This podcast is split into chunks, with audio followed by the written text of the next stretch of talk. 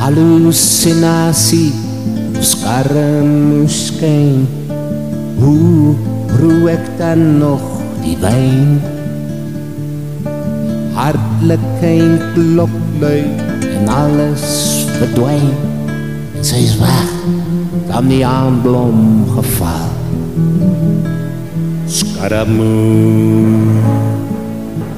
Is dit net als paljas? Hoe sek en sak en nas Rai,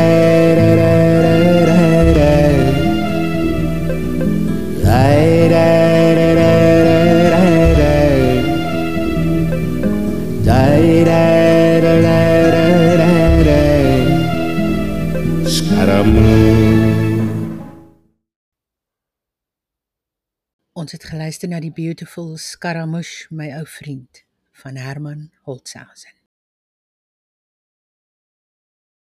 Hi, Madeleine hier en welkom terug by Slaapstories vir grootmense.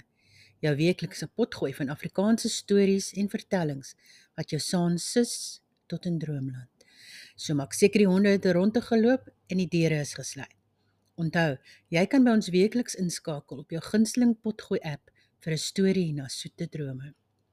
Moenie sleg voel as jy wel aan die slaap raak. Dit is immers wat ons wil hê.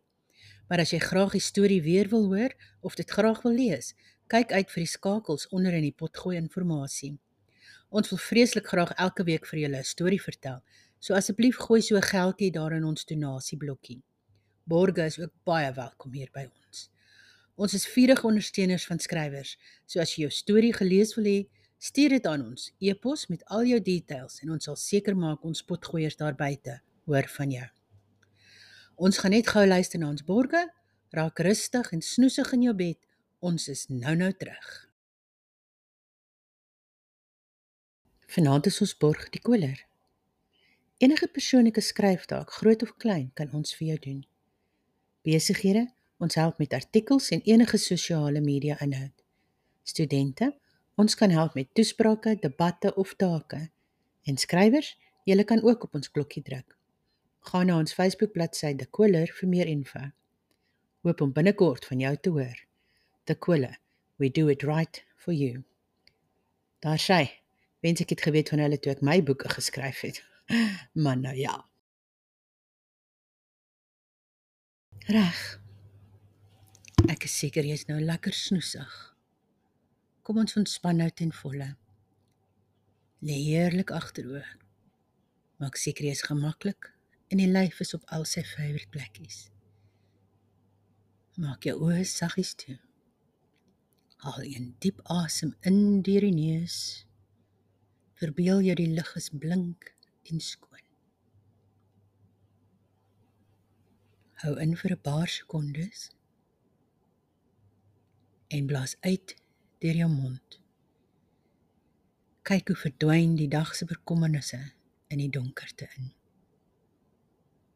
Neem nog 'n diep asem in. Hou en uit. Voel hoe alle stres stadig uit jou lyf uitdryf. Jou voete voel lig en val kante toe. Jou bene volg.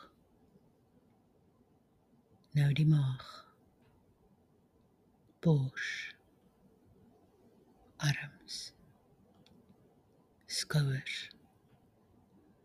Laat die kakebeen sag. Jou kop rustig rus. Asem in. En uit. Asem in. En uit. Die koel reël druppels val sagkens teen jou wang soos jy deur die wasemgroen reënwoud stap. Jare se plante groei knerts onder jou voete. En muskaat en nattigheid dans met jou neus. Die sagte silwer spinnekop web dans en glinster voor jou oë. In die ritsel van die warm wind oor die bome. Geel spinnekop oogies beloer jou terwyl hy ritmies sy web spin. Draad vir draad. Een koppel aan die volgende koppel. Koppel aan koppel. Net soos die drade van 'n storielyn. Saamgetrek in 'n web om jou te vang en na droomland te stuur. Vanaand lees ons Spooke eet nie suurkool nie deur Gina Ruck Bouquet. Dit spook in Bloemenhausen. Dit was ongeveer daardie tyd toe die magtige berge in die somerson lê en droom het dat dit in Bloemenhausen begin spook het. En aangesien Bloemenhausen 'n klein ou dorpie is waar dit nog nooit van tevore gespook het nie, was dit darm baie eienaardig. Die een wat dit die eerste opgemerk het, was mevrou Rose, wat so vet is dat sy net 'n bolletjie met bene lyk. Sy het die ding vir die ander loop vertel. Gisternag het sy gesê, toe ek nie kon slaap nie omdat die maan reg in my gesig geskyn het, toe het daar 'n spook by ons huis verbygeskryp. En die boer, meneer Moneman, wat so dun soos 'n stokkie is met hande so groot soos twee spitgrawe, haal toe sy pyp uit sy mond en sê: "En ek sal vir julle iets sê, by my was daar 'n spook in die skuur." Daarop steek hy sy pyp terug in sy mond en begin so hard te rook dat hy byna self agter die rookdampe verdwyn. By ons sê mevrou Linde toe terwyl sy haar voorskoot glad stryk, want sy stryk hom altyd glad. Al is sy ook hoe glad.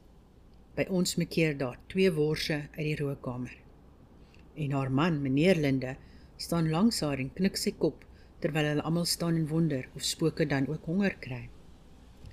Dis net meneer Fichtrich wat iets anders gewonder het. Hy het gewonder of hy vir hulle moet sê dat iemand die deken van sy rusbank afgesteel het. 'n Vrolike bont deken met vraaiings.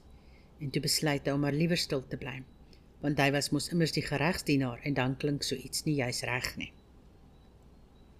Natuurlik het daar nog ander mense ook in Bloemenhausen gewoon. Daar was altesaam 13 as mens die burgemeester net eenmal tel. Maar eintlik moet hy vir twee mense tel, want die burgemeester is tog 'n uitermate ernstige en belangrike man. Hy is so ernstig en so belangrik dat hy nooit lag nie. En as hy met sy vuis op die tafel slaan, dan ratel die dorp se geldkassie. Derhalwe het al die mense van Bloemenhausen eerbied vir hom gehad maar derhalwe was daar ook niemand wat hom liefgehad het nie en dit was eintlik baie jammer. Wanneer dit nou begin spook het, was almal vreeslik gespanne. Mevrou Fichterich kon slegs glad nie meer slaap nie, nie eers 3 minute lank nie, en dit ten spyte van die feit dat haar man die geregsdienaar was. Meneer Rose het sy trompet van toe af nog net baie saggies geblaas, so sag dat mens glad nie meer die weerklank kon hoor nie en buitendien het hy hom nog net in die meneersleutel gespeel en dit het so weemoedig geklink.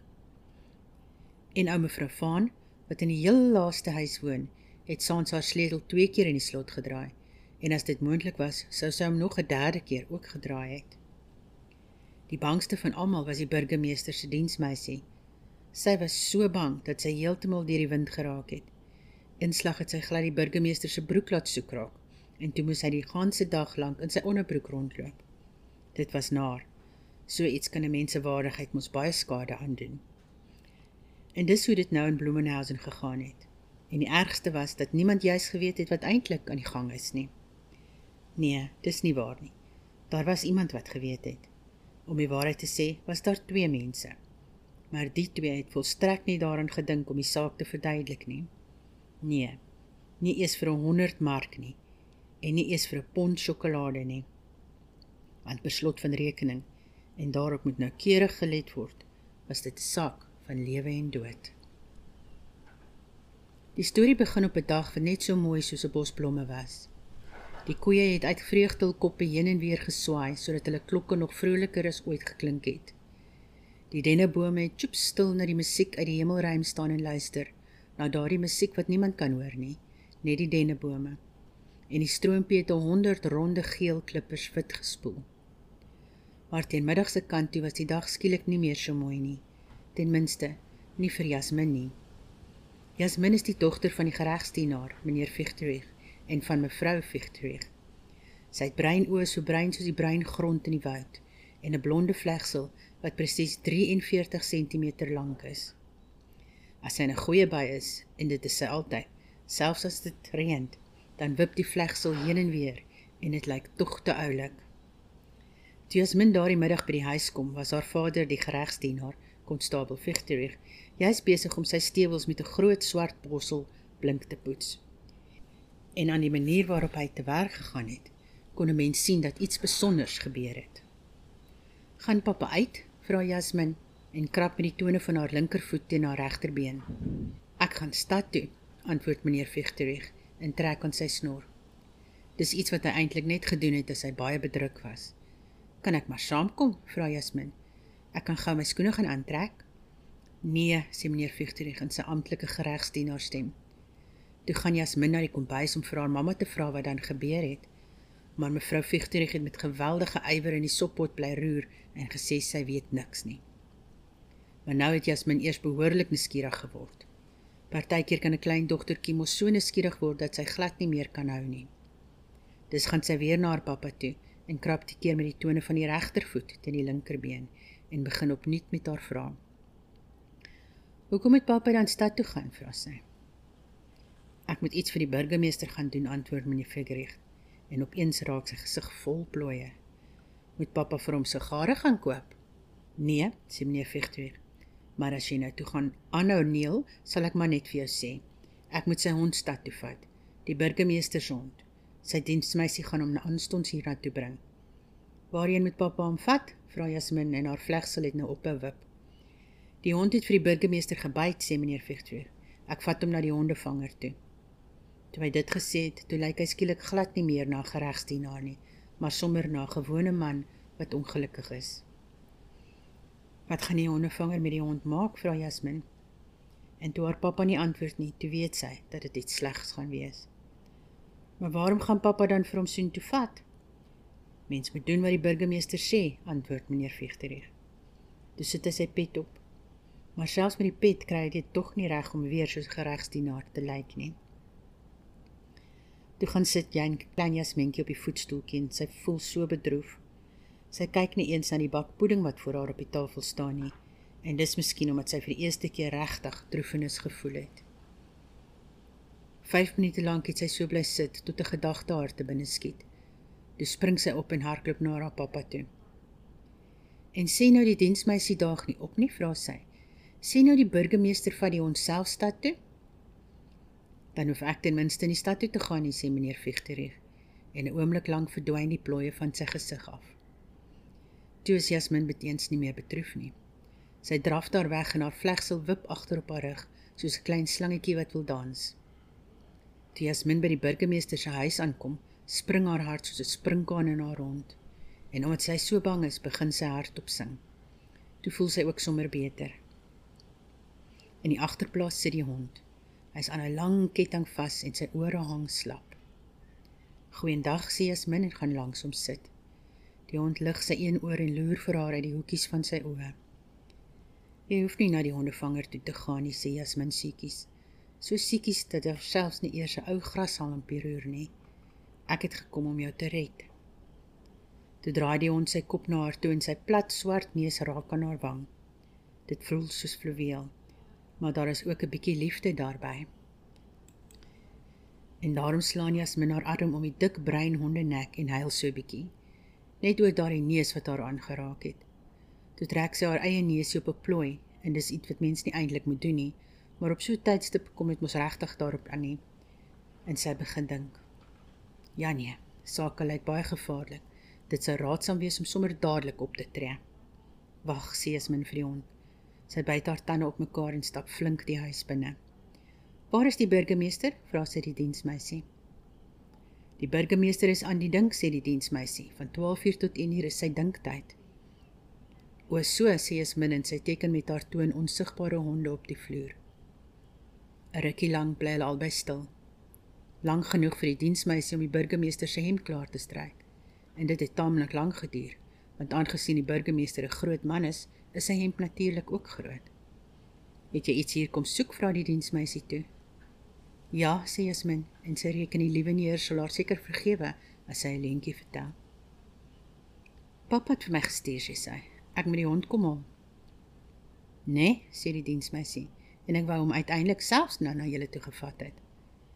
Toe draai sy haar kop gou weg, maar tog nie gou genoeg nie want Jasmin het klaar gesien dat daar 'n dik ronde traan uit haar een oog rol. En daarom het sy met eens meer van die diensmeisie gehou as nog ooit vantevore. Sy sou graag net 'n slaggie die diensmeisie se hand wou gestreel het, maar dan sou die diensmeisie mos onderraad gemerk het.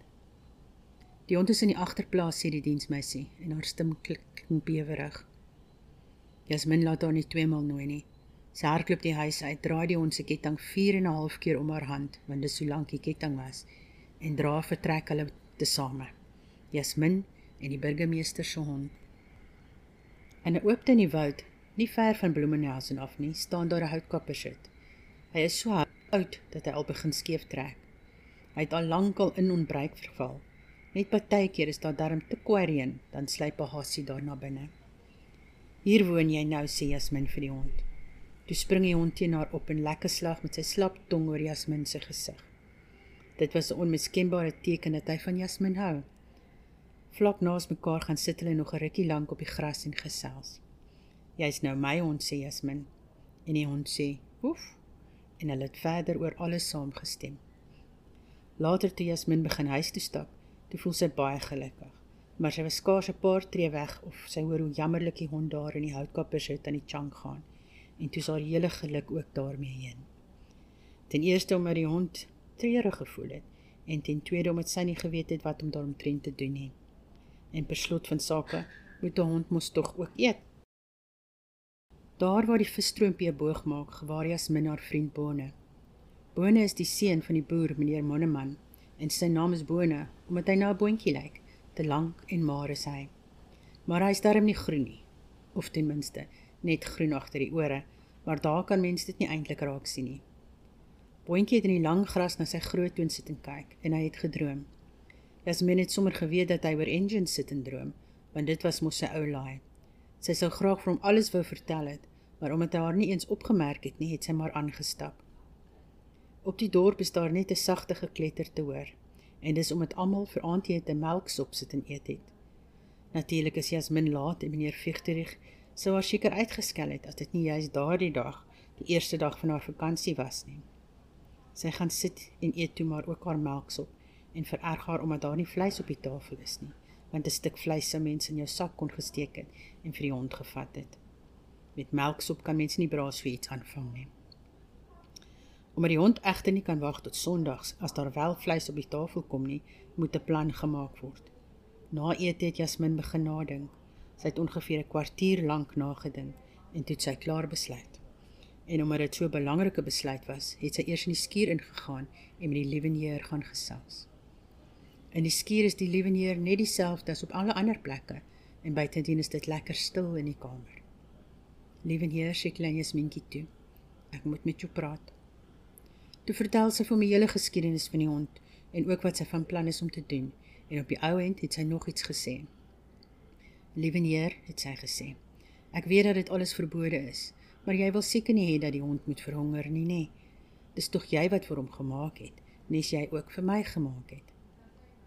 Toe luister sy 'n oomblik en toe die liewe neer nie vir haar bestraf nie, is sy daar weg.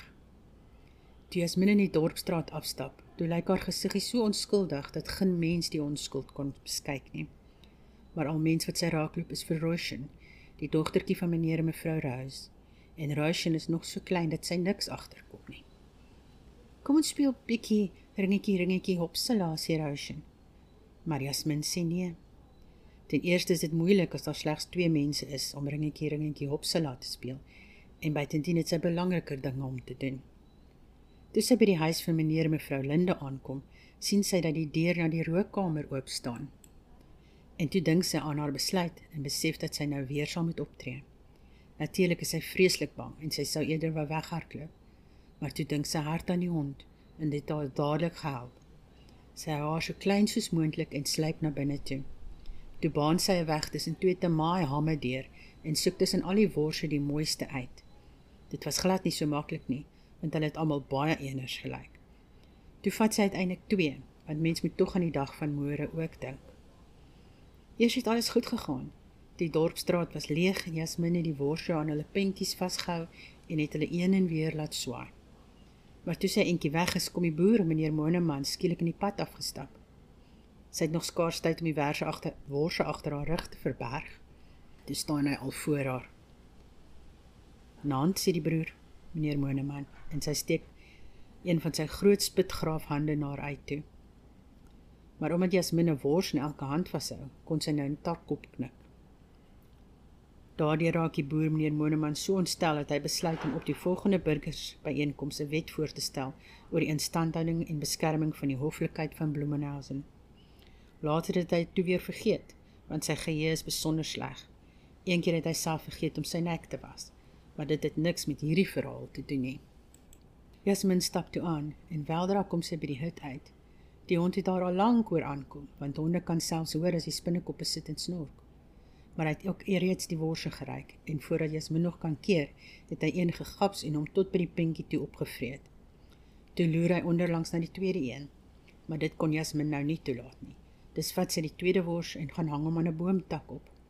Toe streel sy die hond en die hond kwispel sy stert en dit het so snaaks gelyk want sy stert was nog korter as Jasmin se pinkie. Toe die aand toe het Jasmin en die hond saam gespeel. Hulle het tot by die visstroompie en weer teruggehardloop en die hond was gedurig aan haar sy. Jasmin het al lank al sy ketting van hom afgehaal want as mense hond regtig liefhet, dan is hy aan jou gebind met 'n band wat 1000 maal sterker is as enige ketting in die wêreld. Toe hulle albei moeg was, het hulle op die gras gaan sit en Jasmin het vir die hond 'n lied gesing en dit was vir hom so lekker dat hy met sy hele plat swart gesig gelag het. En toe die lied klaar was, het hy sy pote op Jasmin se skouer gesit en haar weer 'n slag met sy slap tong deur die gesig gelag. En dit toe dat Jasmin besluit om hom slap te noem. Sy het dit vir hom gesê en die hond was bly dat hy 'n naam gekry het. En dit toe dat Jasmin besluit het om hom slap te noem. Sy het dit vir hom gesê en die hond was bly dat hy 'n naam gekry het want alle ordentlike mense het tog mos name. En toe die son agter die donker gordyne verdwyn het, die gordyn wat mense die aand noem, en toe die voëls woel om in hulle neste te kom, toe moes Jasmin huis toe gaan.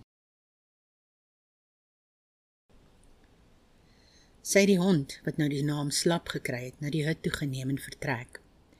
En sy het haar ore toegedruk, maar dit niks gehelp nie. Sy het tog nog geweet dat hy Chunk om dit sou alleen gelaat het. Op die dorp was alles nes dit altyd ieder aand was. Die mense het met uitgestrekte bene voor hulle deure gesit. Soms het iemand iets gesê, maar dit was maar selde, net so een keer elke halfuur. Want daar die mense van Bloemenhausen die hele dag lank moes hout kap en die kospotte roer en die koeie melk en groenvoer sny, is hulle natuurlik saans moeg. Nadat Jasmin geëet het, in werklikheid het sy net 'n snytjie brood geëet en die res het sy stilletjies vir die hond weggesteek, het sy bed toe gegaan. In die middel van die nag, toe die hemel pikgit swart was, het sy wakker geword. Vet reendruppels het teen die ruitte geval en elke druppel net so hard soos 'n oorweeg geklap. Toe dink Jasmin aan die wors wat sy aan die boomtak gehang het. Sy het nie so mooi geweet wat eintlik met 'n wors gebeur as hy nat word nie, maar dit sou hom seker geen goed doen nie. Dis staan Jasmin op en natuurlik met die regterbeen eerste en trek haar wit reënmantel aan en verlaat die kamer. Meneer en mevrou Fichtrich het vas en diep geslaap, soos alle mense wat 'n rein gewete het. En daarbey het hulle beide kliphard en ieder op sy eie noot len snork. Dit was 'n koel nag en daarom het Jasmin die deken van die rusbank afgevat en saamgedra, want sy wou tog nie hê dat slap moes koud kry nie. Buite was daar net die gesuis van die reën te hoor. Die huise het swart en vyhandig voor haar opgedoem en Jasmin het nooit geweet dat Bloemenhausen snags so onheilspellend kon lyk nie. Sy was so bang dat sy nie eers kon sing nie, nie eers seetjies nie. En omdat sy vergeet het om haar skoene aan te trek, het die nat sand tussen haar tone deurgepeel, want dit het haar nie braag getroos nie. Toe Jasmin 89 tree ver geloop het, Sy het hulle uit louter angs loop en tel, was sy in die woud. Die groot vriendelike bome was nou donker gedroogte en jas mense hele rug was die hele ene hoendervleis en haar bene ook. Onse genade ding sy, As daar nou 'n ding hier moet aankom en vir my opvreet, dan sal dit ook niks help nie. Dit sal die hond nie help nie en dit sal vir my ook glad nie help nie. Dan sal dit tog mos vir niemand help nie, nie waar nie? En omdat sy oortuig was dat die liewe Heer hierdie redenasie sou kon volg en haar sou oppas, het sy toe ewe dapper die res van die pad afgelê. Die bors het al reeds 'n bietjie nat geword, maar hy het 'n dik vel gehad en daarom het hy nie ou nie te baie skade gelei nie. Wat veel erger was, is dat die hak van die hut begin lek het en dat die hond so bedroef gelyk het en nie eens teen Jasmin opgespring het nie. Sy het vir hom die bonddeken oopgesprei en langs hom gaan sit. "En wat maak jy dan?" het hom gevra. Maar die hond laat net sy een oor sak en loer tersluiks na haar en bly stil. "Slap," sê Jasmin. As jy siek geword het, is dit 'n ernstige saak. En toe nie sy twee maal. Dis omdat haar voete so nat was. Sy het hulle 'n bietjie warm gevryf. Die linkervoet teen die regterbeen en die regtervoet teen die linkerbeen. Toe staan sy op. Maar jy kan daarom altyd op my staat maak, sê sy nog voor sy weer begin terugstrap huis toe. Sy was tog maar net 'n afgemate ou dogtertjie en as sy nie gou die bed kon haal nie, sou sy daar op die plek aan die slaap geraak het. Dog so iets durf haar mos nie oorkom nie. Dit het op haar reën. Die maan het sy ronde geel gesig voor die wolke gedruk en verlig nou die aarde. In die lig, dit het hy geweet, gebeur daar ook minder bose dinge as in die donker. En is omdat hy hom so oor die welsyn van die mense bekommer dat hulle praat van die goeie ou maan. Toe klein Jasmyntjie uiteindelik in haar bed lê, toe kon sy nie aan die slaap raak nie. Sy dink aan slap en sy verbeel haar sy kan sien hoe hy lê daar en Chunk met sy kop so tussen die voorpote verberg. Dit was 'n nare prentjie en dit spreek van self dat mense genrus kan kry as jy so aan 'n bedroefde hond lê en dink nie. Die volgende dag het die son weer geskyn. Die son het die strate laat droog word en die dakke en ook die gesiggies van die klein blommetjies. Om 7 uur het konstabel Vigtrich van huis tot huis geloop om te kyk of alles in orde is, want dit is een van sy pligte daardie en om 5 voor 8 kondig hy dus sy bevinding by die burgemeester aan en sê, dis alles soos gewoonlik. Dit was nou wel ook een van sy pligte, maar dit was nie waar nie. Daar het tog mos iets gebeur, iets wonderliks. Nou beteken dit egter nie dat konstabel Vigterig iets vir die burgemeester weggesteek het nie. Dit sou hy mos nooit durf waag nie, selfs nie eers as hy hom trommeldik geëet het en besonder dapper gevoel het nie. Nee, dis net dat hy niks van die gebeurtenis af geweet het nie en dit was ook maar goed so. Dit was juist toe Jasmin begin koers kry het na die hond slap, toe dat meneer Linde agter sy ore begin krap het en dit was 'n bewys dat hy binnekort sou begin werk. Jasmin roep toe: "Goeiemôre" en stap aan by Boone Moneman verby, daar waar hy alweer in die gras oor engine sit en droom. Voor die hut bly sy staan, laat haar vlegsels wip en luister. Maar alles is tjoep, tjoep stil. En toe gaan sy binne toe en toe sien sy wat gebeur het. En al kon sy dit nie eintlik begryp nie, was dit tog waar. Langs slaap op die vrolike bonddeken lê daar drie klein hondjies, so ongelooflik klein. Jasmin het verstaar. Sy daar op haar een bly been bly staan en skoon vergeet om die ander voet op die grond neer te sit. Maar toe lig slaap haar kop en kyk haar aan en haar oë het geskitter asof haar twee vlamme agter in haar gebrand het. "Haai," sê Jasmin, en sy voel self ook net so gelukkig. Sy gaan sit op die een hoek van die deken en kyk hoe slaap herhaaldelik die klein hondjies bly lek. En die klein hondjies klouter oor mekaar rond en hulle gesiggies lyk net soos verrimpelde appeltjies. Jasmin het gedink hulle is tog te pragtig en slaap natuurlik desgelyks. Iets wat mense liefhet is mos altyd mooi. Uiteindelik toe die klein hondjie slaap, onthou Jasmin dat sy verslap nog glad nie geluk gewens het nie. Sy vat slap se poot en sê van harte geluk. En slap sê toe, dankie. In hondetaal klink dit nou wel 'n bietjie anders, maar Jasmin kon dit nog verstaan. Kinders verstaan in ieder geval baie dinge, dikwels meer as die groot mense, maar dit sal die groot mense mos nooit erken nie. Die gebeurtenis met die klein hondjies was vir Jasmin so mooi dat sy toe besluit om met iemand daaroor te praat. En daar was net een mens met wie sy in so 'n geval kon praat. Boentjie Moneman. Sy het hom by die visstroompie gekry. Hy daar in die water sit en kyk en dit het gelyk asof hy wonder of hy vir hom moet was. Maar die wat verbone Moneman ken, weet sommer dat hy nie oor so iets sou sit en wonder nie. Eintlik wou Jasmin dit vir hom so gaande weg vertel, maar toe borrel die woorde sommer uit haar uit. Bone sê sy, ek het 4 honde. En daarby wip nie net haar vlegsel nie, maar haar arms en bene ook, so bly was sy. Doch Bone Monneman, wat juis oor 'n besondere groot engine sit en droom het, sê niks nie. Hy maak net sy mond oop van die skrik. Toe vertel Jasmin vir hom die hele geskiedenis en ten slotte moes hy sy hand op sy hemp lê, daar waar sy hart sit, en beloof om vir niemand iets te sê nie. Maar as Jasmin gedink het hy gaan bly wees, het sy haar deegliks misgis. Bone Monneman het die ernstige grootmens gesig getrek en gesê: "Mens moet doen wat die burgemeester sê." Toe voel klein Jasminkie ook skielik volwasse. "Nee," sê sy, "mens moet doen wat goed is." En omdat sy gelyk gehad het, het Bone dit ook ingesien en hulle is saam daar weg om die honde te gaan versorg. Omtrent dieselfde tyd toe konstabel Vigtrich ontdek het dat die deken van sy rusbank verdwyn het, was Jasmin en Bone Moneman besig om die rooiboon koenie van mevrou Vaan te melk. Sy was die dierbaarste koe in die hele geweste en haar oë het soos die diepste poeltjies in die visstroom geblink. Bovenal het sy besef dat Slap nou melk nodig het, want sy het geduldig bly staan. Die hele dag lank was die kinders besig.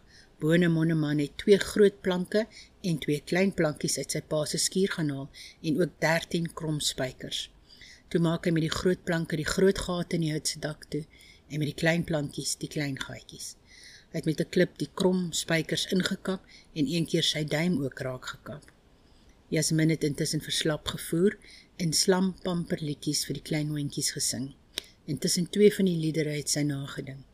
Eendag word alle klein hondjies ook groot honde. Hulle gaan nie langer in hulle moeder drink nie en hulle gaan honger kry. Maar dit sal nog lank duur. En omdat kinders gelukkig slim genoeg is om hulle nie oor die toekoms te bekommer nie, het Jasmin haar ook nie bekommer nie. Intussen kon daar mos nog honderde wonderwerke gebeur. Maar die enigste wonderlike ding wat in die onmiddellike toekoms gebeur het, is dat die klein hondjies gegroei het.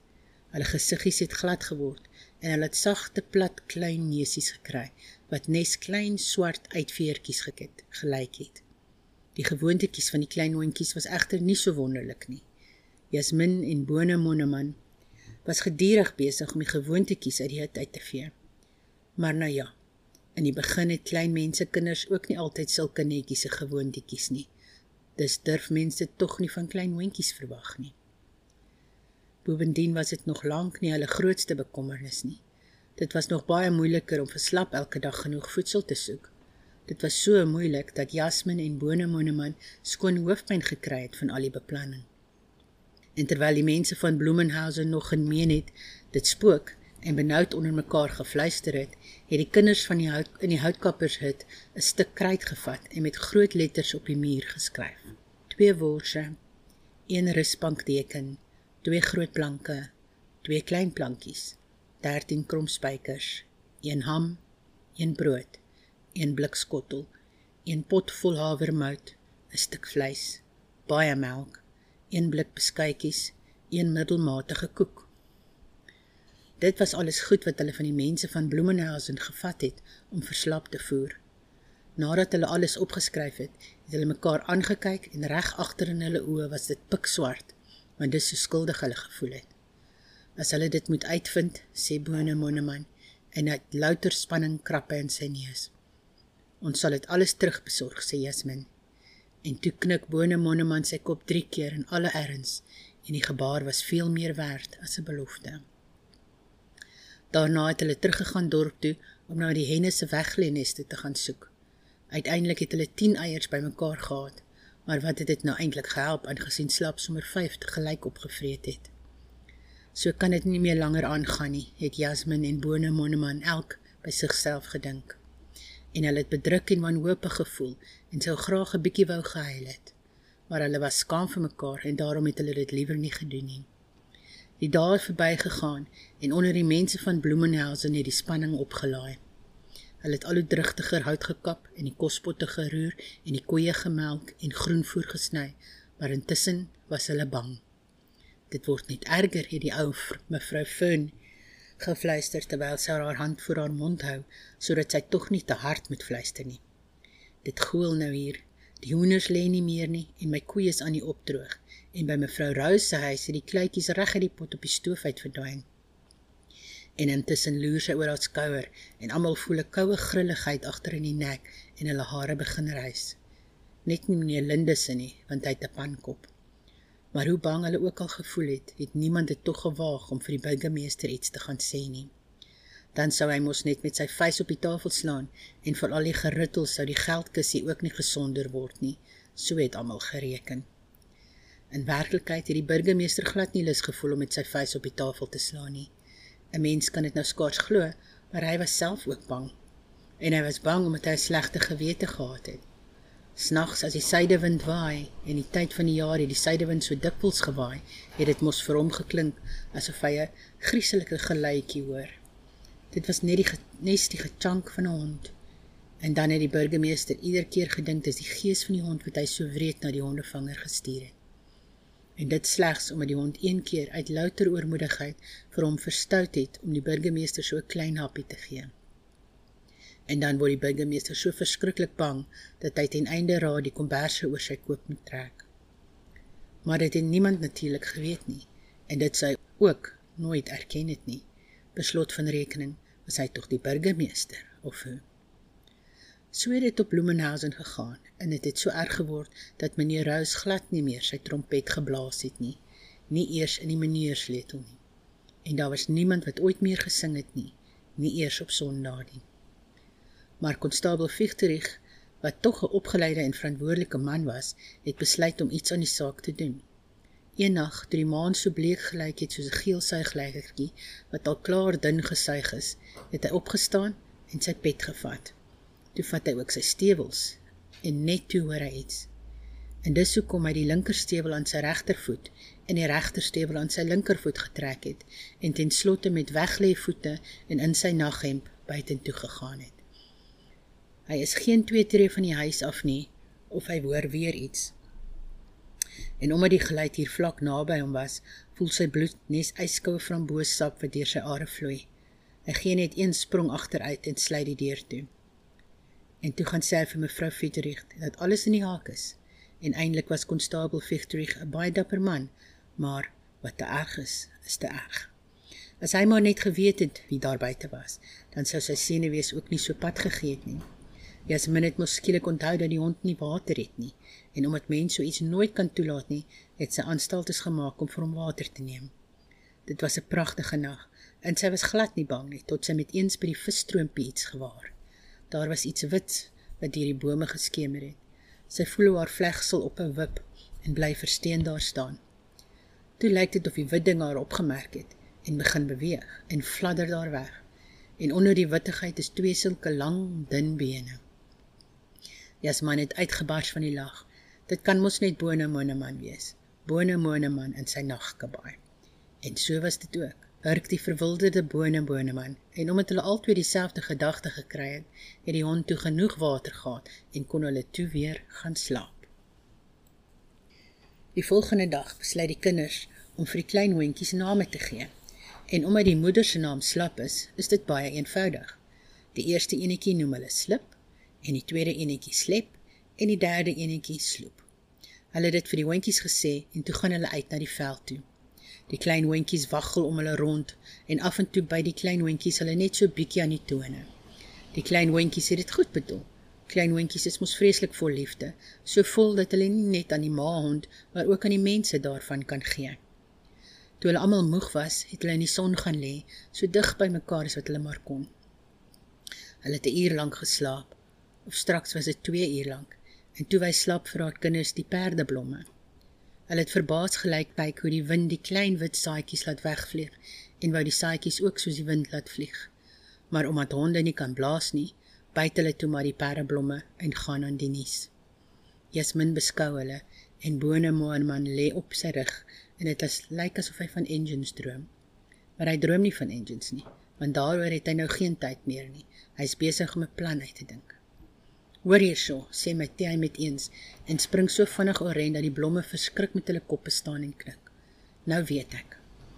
En toe sê iets wat so wonderlik is dat selfs slap haar ore spits. Ons moet stad toe gaan. Dis wat Bone Moneman gesê het. Ons sit al ons geld bymekaar en dan gaan koop ons in die stad vir ons honde kos. En aangesien Jasmin dadelik instem, gaan hy weer sit en hulle bespreek alles wat daar te bespreke is. Ons moet stad toe gaan, is wat Bone Monument gesê het. Ons het al ons geld bymekaar en dan gaan koop ons in die stad vir ons hondekos. En aangesien Jasmin dadelik instem, gaan hy weer sit en hulle bespreek alles wat daar te bespreek is. Die volgende môre, toe hulle die honde klaar versorg het, val die kinders in die pad. Dis nog vroegdag. Die nevels hurk soos geeste aan die rand van die woud en die blomme is juis besig om hulle doudrankies vir ontbyt te drink. Die kinders het vlugs aangestryk en een na die ander al drie liedere gesing wat hulle geken het. En soos hulle sing, laat Bone Moneman die geld in sy broeksak klingel en omdat dit alles koper muntstukke is, klink dit tog te fraai. Toe die son al hoe meer na grond begin lyk en die nevelgeeste al lankal verdamp het, toe stap die kinders stadiger. En 'n rukkie later sing hulle ook glad nie meer nie. Dis net die geld wat nog af en toe rinkel, maar selfs dit klink nou anders as van tevore. Maar Jasmin en Bone Moneman stap verder aan. Dan en wan bly hulle staan en vee die sweet van hulle voorkoppe af. En omdat hulle geen sakdoeke saamgebring het nie, gebruik hulle sommer die punt van Jasmin se rok. Na baie lang ure kom hulle uiteindelik in die stad aan. Die stad is lank nie so mooi soos Bloemenhausen nie, maar daar woon nogtans baie, baie mense. En dit lyk asof niemand werk nie, want almal doel net daar rond.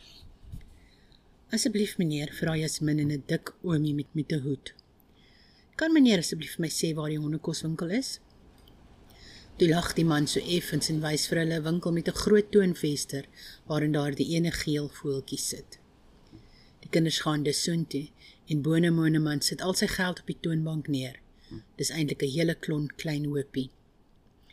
Eers lyk dit of die winkeltannie vir haar wil, wil vererg omdat sy nou al die geld moet tel, maar dan tel sy dit tog. En op die ou end gee sy vir die kinders 'n groot kardoes waarop daar hondekos geskryf staan en hulle kry ook nog 3 muntstukkies terug. Toe is Jan Min en Bone Moneman so bly dat hulle die 3 muntstukkies sommer vir 'n klein meisietjie gee wat daar in 'n deur sit en huil. Toe hulle begin terugstap huis toe, was dit al lank namiddag. Hulle het nog niks geëet nie en hulle maagies het geknors so slap as syne slegte bui is. En om dit nou nie die hele tyd te hoor nie, sing hulle toe al hulle liedere nog 'n keer oor. Hulle voete begin nou seer word en die son glip al stadig teen die hemel af na sy bed toe, maar hulle is nog steeds op pad en is glad nie so lekker nie. Ja, sê Bone Moneman en hy lig die groot kardoes oor na die ander sy ander arm toe. Kinders kry ook maar bitter swaar. En Jasmin, wat onthou dat slap en die kleintjie hondjies al die hele dag toegesluit is, sê ja, en honde ook. Toe praat hulle nie verder nie, want hulle voel nie meer na praat nie. En toe hulle Bloemenhausen aankom, het dit net donker begin word. Die mense het daar voor hulle deure gesit en hulle bene voor hulle uitgestrek. Maar omdat hulle nog na die houtkappers toe moes gaan, slyp die kinders agter die huise om en verdwyn in die woud. Toe slap die hond vir hulle sien, spring sy teen hulle op en lek vir hulle verskeie kere oor die gesig en die klein hondjies dans van die vreugde terwyl hulle sulke klein piepgeluitjies maak. Toe sit die kinders 'n bietjie hondekos in die skottel en gaan huis toe.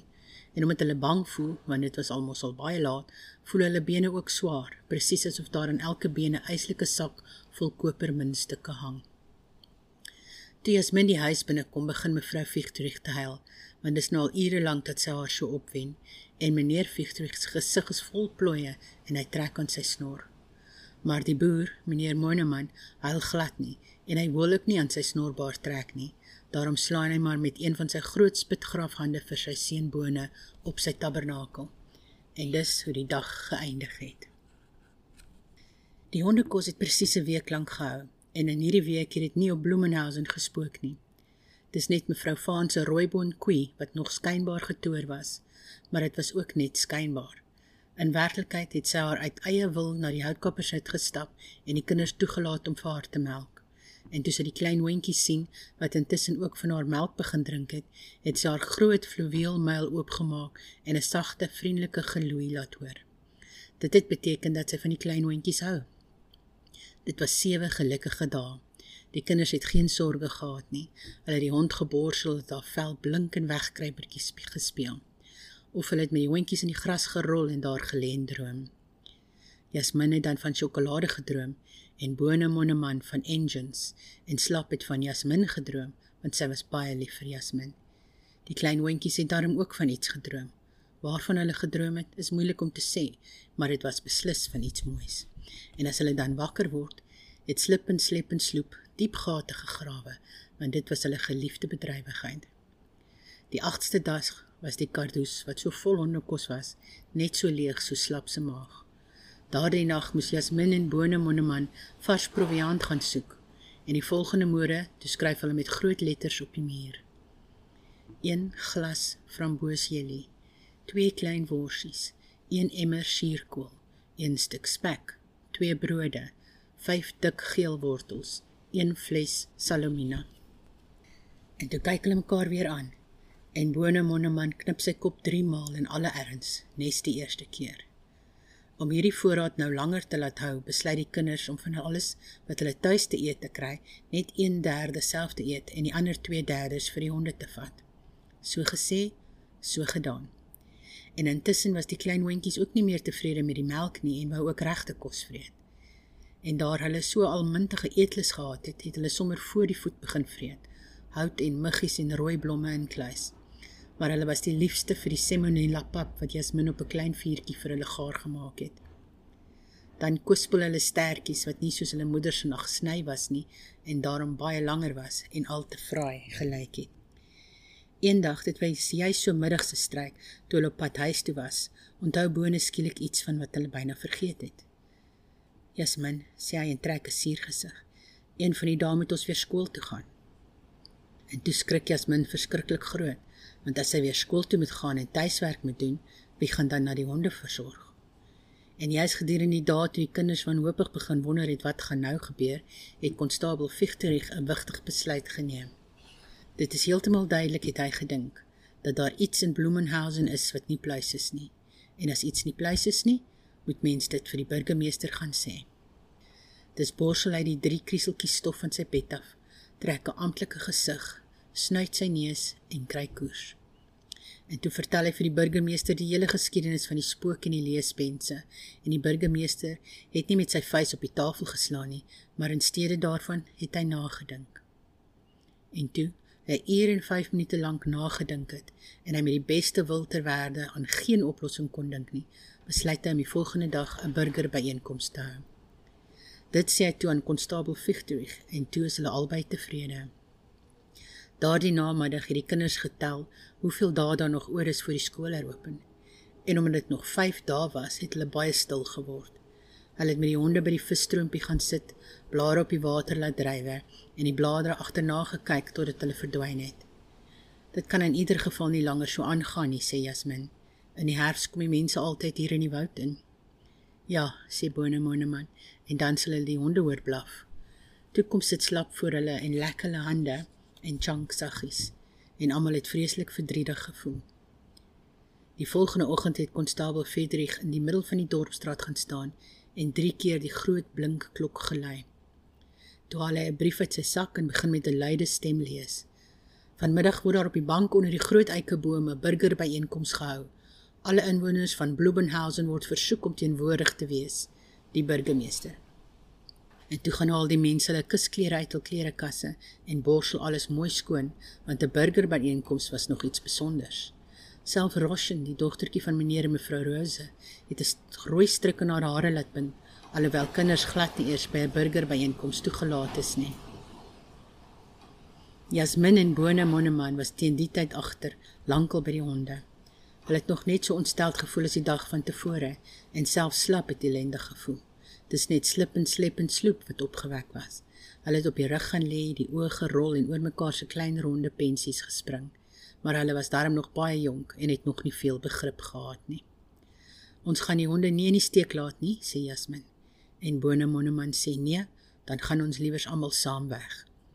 En voor die geeste oog sien hulle hoe hulle met die eindelose groot pad langs loop en hulle voel al hoe seer word hulle voete.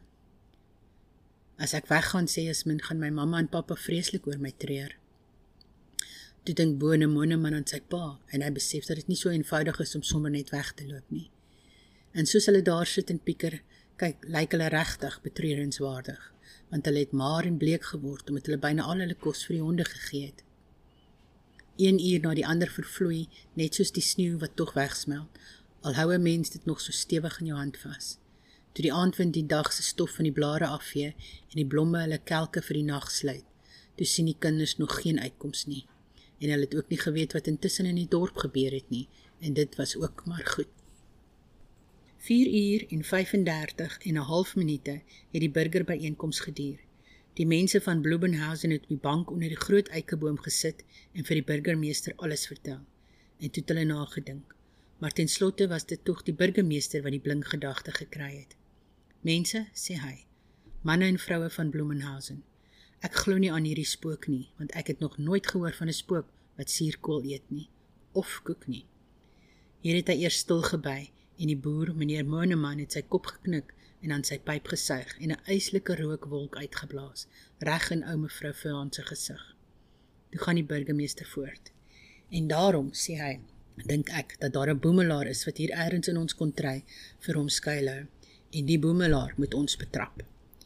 Toe staan al die mense op, die mans en die vrouens en hulle brul 3 keer, hoerai en toe het hulle besluit dat hulle daardie Sondag almal saam die hele dorp en sy omgewing gaan fynkom en daarmee is die burgerbyeenkoms afgesluit.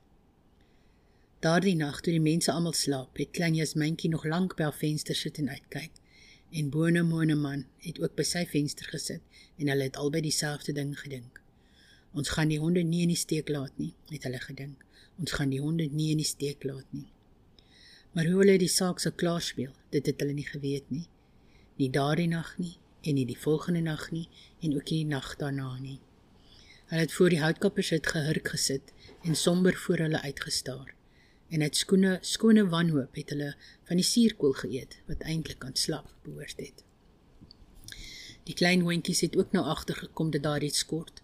Hulle het die koppies skeef gehou en hulle moeder se kant geloer en toe het hulle die stertjies laat sak en te neergedruk daar weggedraf. Saterdag het aangebreek en enigste taak wat die kinders verrig het, was om die eiers te gaan uithaal. Al die proviand was op en dit was ook geen wonder nie, veral nie as mense onthou dat 'n hond aan die binnekant hoofsaaklik uit 'n maag bestaan nie. Saterdag aand, toe die nevel soos 'n sluier oor die berge hang, het Jasmin na die skuur toe gegaan en met die liewe neer gaan praat. En toe sy baie lank ruk daarna weer te voorskyn kom, toe was sy nie meer bang nie. Die liewe neer het mos die antwoord op al haar vrae na hart gelê. Sondagmôre toe Jasmin en Bone Moneman al lankal in die woud was, het die ding gebeur waarvan die kinders niks geweet het nie. Die mense van Blumenhausen het aanstaltes gemaak om die boemelaar te betrap. Dit was meneer en mevrou Rose, die boer meneer Moneman, die egpaar Linde, ou mevrou Van, konstabel Victorich en sy vrou en die burgemeester se diensmeisie. En op die voorhoede was die burgemeester. Hulle het uiters veglustig gelyk, maar in werklikheid was hulle maar braaligtig. Die mans het stokke, harke en misharke saamgedra en die vrouens skeplepels en besems. En die burgemeester het sy boepens voor hom uitgedra. Dit was ook al wat hy saamgedra het. Eers het hulle etlike skure deursoek. Konstabel Victor het dan sy klok gelei en geskree: "Dis iemand hier. In die naam van die gereg word jy nou in hegtenis geneem." Maar daar was natuurlik nêrens niemand nie. Toe gaan hulle die stalle en die kelders binne, maar die was ook leeg en toe hulle skielik raad op. Hulle het kop gekrap en nagedink, maar net toe die boer meneer Moneman sy pype opsteek, lig die burgemeester sy hand en sê: "Na die houtkappers hut." En hulle sit toe af soem toe. Intussen is die kinders baie besig. Hulle borsel die honde, vee die hut skoon en vou die deken wat eers op 'n tyd bont was, hou ook mooi netjies op. Toe vertrek hulle. Reg voor stap Jasmin, dan kom Bone Moneman en agter hom stap Slap en agter hulle draf die klein hondjies. Hulle handel nou volgens die besluit wat Jasmin die vorige aand geneem het en die besluit het so geklink. As mens iets gedoen het, moet mens ook voet by stuk hou. Ons gaan alles vertel en die waarheid praat, maar ons gaan die honde beskerm tot in die dood toe. En dis hoekom hulle nou reguit dorp toe marseer. Maar alho hou hulle vir hulle nog so dapper. Sou mens as mens goed geluister het, daarom hulle harte onstuimig oorklop het. Dis daar by die visstroompie dat dit gebeur het. Die pad maak daar 'n boggel en daar kom hulle toe eenklaps teenoor mekaar te staan. Jasmin, Bonemoneman en die honde staan aan die een kant en die mense van Blumenhausen staan aan die ander kant met die burgemeester vooraan. 'n Oomblik lank is alles doodstil. Die mense staar die honde aan en die honde voel verleen krap met die agterpoot in die nek. Tog die burgemeester wat verslap erken het, word stadig aan bloedrooi in die gesig. En omdat die mense gedink het dis uit woede uit dat hy so rooi word, staan hulle almal so effens drie. Konstabel Fichterich sê die burgemeester sag en meneer Fichterich staan dadelik 'n stram houding aan. Konstabel Fichterich, waarheen het jy daardie hond destyds gevat? Maar nog een hy kon antwoord tree as min na vore. Dis alles my skuld, sê sy. En toe vertel sy vir hulle die hele geskiedenis, net dit gebeur het. Toe begin die mense die bewerasie kry, want Jasmin was die eerste een in Bloemenhausen wat dit ooit gewaag het om die burgemeester te te gaan. Toe sy klaar gepraat het, haal die burgemeester sy rooi geruite sakdoek uit. Sy sak en vee die sweet van sy voorskop af. En intussen staan hy nadink. Wat hy toe alles gedink het, het niemand ooit gehoor nie, maar wat hy toe gedoen het, het al die mense van Bloemenhausen self aanskou. En dit was vir hulle so verrassing dat hulle dit ook seker nooit sal vergeet nie. Hy stap na die kinders toe en groet eers vir Jasmin met die hand en toe vir Bone Moneman ook. Dit was mooi van julle dat jy die hond gered het, sê hy vir hulle. En hy voeg nog daarby. 'n Mens met 'n burgemeester mos daarom af en toe ook daaraan herinner dat hy nie altyd gelyk het nie. En toe voel Jasmin en Bonemoneman hoe bloos hulle van die vreugde en trots, want dit was 'n wonderbaarlike oomblik. En wat die gedoente met die spook betref, sê die burgemeester, moet julle natuurlik die hele saak in die reine bring. Dit spreek tog van self dat 'n mens nie sommer 'n ander man se goed durf vat nie. Toe beloof die kinders om al die skade te vergoed. Hulle sal al die mense by die werk gaan help. Meneer en mevrou Linde en ou mevrou Vaan en die egpaar Rose en die boer meneer Moneman en die egpaar Fietrich en almal het akkoord gegaan. En toe stap hulle almal saam terug dorp toe en gaan sit op die bank onder die groot eikeboom en voel tevrede. En die hondjies was ook tevrede want hulle het elk op eie houtjie vir hulle 'n baas uitgesoek. Slap het dig by Jasmin gebly. Slip het Bone Moneman se hand gelek. Slep het vir hom by ou mevrou Vaan gaan aansluit en Sloep het met Rosien met Rosien begin speel en sy hondegesig het gestraal van die geluk. Die burgemeester het dit alles gade gegaan en gelag en toe die mense van Bloemenhausen vir die eerste keer hulle burgemeester ook lief gekry. Meneer Rose het sy trompet gaan haal en 'n lied in die majorsletel geblaas. En na baie weke lank het sy trompet geskal weer 'n weerklank gegeld en dit was so 'n vrolike liedjie dat dit oor die dakke van Bloemenhausen en oor die berge gestyg het en tot reg in die stralende blou hemel in. Lekker slaap.